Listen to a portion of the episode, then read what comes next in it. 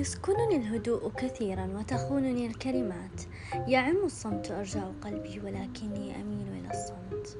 تعجبني الكلمات الهادئة والروح اللطيفة واللطافة في الأسلوب. لا شيء يسكن أحرفي سوى الصمت. لا أعرف كيف تصاغ تلك العواطف. تشبه العواصف في تيارها. لا شيء يواسيني سوى قلمي. لا أجيد مواساتي. أجيد مواساة من حولي. ولكني ما أن تجتمع الكلمات في صدري لا أجد شخصا يتفهم مشاعري.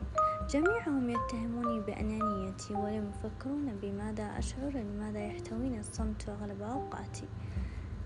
سعيدة جدا لما وصلت إليه سعيدة بالمصاحبة ذاتي بتفهم نفسي وأنانيتي.